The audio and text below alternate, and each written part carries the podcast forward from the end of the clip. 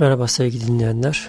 Amerika Günleri podcastinde bu bölümde sizlere Amerika'da rakamlarla uyuşturucu ile mücadele ve silahlı ölümlerin karşılaştırılması üzerine bir e, sunum yapacağım.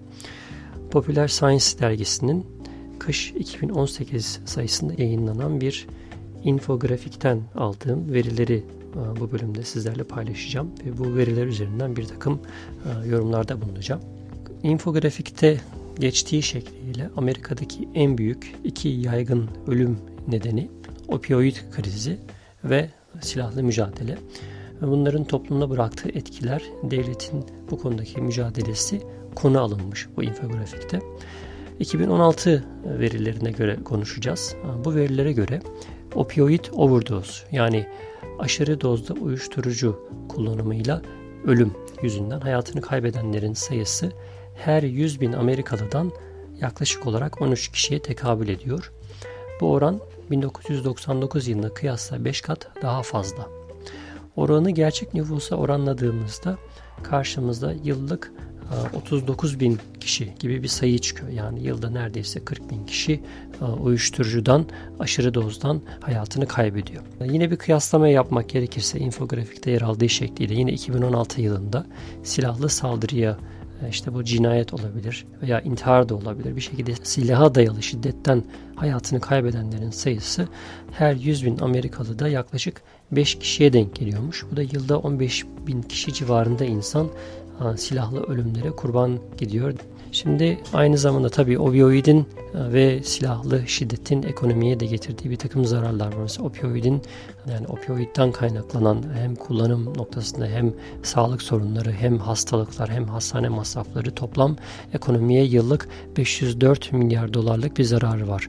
Silahlı şiddetin yani gun violence dedikleri silahtan doğan zararın da ekonomiye yıllık olarak zararı 229 milyar dolar. Bunlar çok ciddi rakamlar düşündüğünüzde. Doğal olarak insanlar hükümetin bu konuda bir şeyler yapmasını bekliyor. En azından insan ölümlerini azaltma noktasında veya e, ekonomiye olan etkisini e, minimuma indirme. Çünkü infografiğin bir bölümünde de e, bu her bir zararın her bir kişiye bir etkisi var. Hem maddi anlamda hem vakit anlamında insanların vakitlerini ziyan etmesi noktasında ciddi bir zararı var. Peki şey oranı nasıl? Hani dünyaya kıyasla Amerika'daki ölümler nasıl? Gelişmiş ülkelerdeki tarz ölümlerin %82'sinin Amerika'da gerçekleştiği söyleniyor. Özellikle silahlı saldırı noktasında.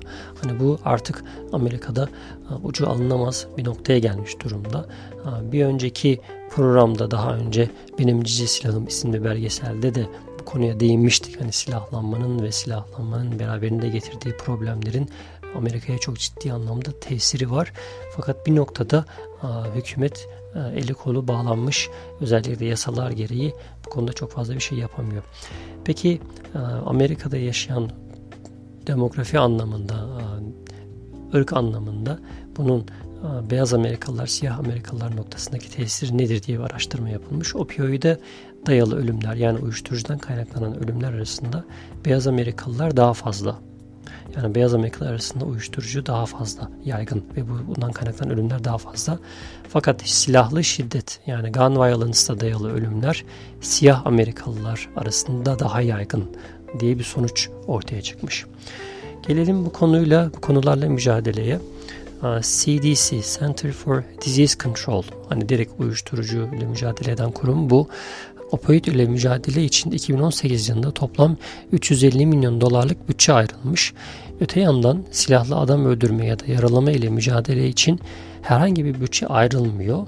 Bunun nedeni de 1996 yılında çıkan bir yasa ile bu kurumun yani Center for Disease Control'un fonlarının silahlanma karşıtı veya silahlanmaya kısıtlayıcı bir amaca hizmet etmesinin yasak olması olarak söyleniyor.